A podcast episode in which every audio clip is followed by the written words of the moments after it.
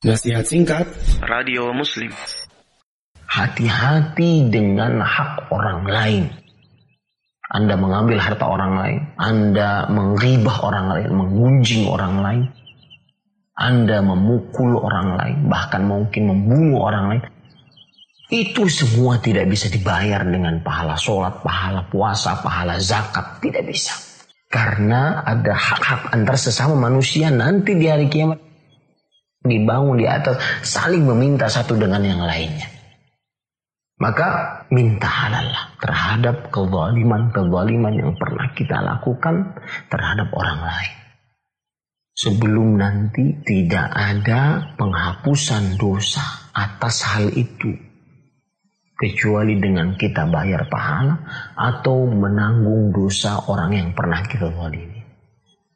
Rasulullah SAW mengatakan Orang yang mati syahid akan diampuni dosanya kecuali hutang.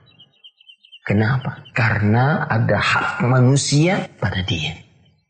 Coba perhatikan perkataan Imam Nawawi rahimahullah. Beliau mengatakan di dalam hadis tersebut menunjukkan sebuah peringatan bahwasanya seluruh hak-hak manusia, jihad, mati syahid, dan selainnya dari amalan-amalan baik tidak bisa menghapuskan tanggung jawab Anda terhadap anak manusia. Maka jika kita pernah menzalimi orang lain, tidak bisa dihapuskan dosanya dengan amal soleh, bisanya dengan minta halal.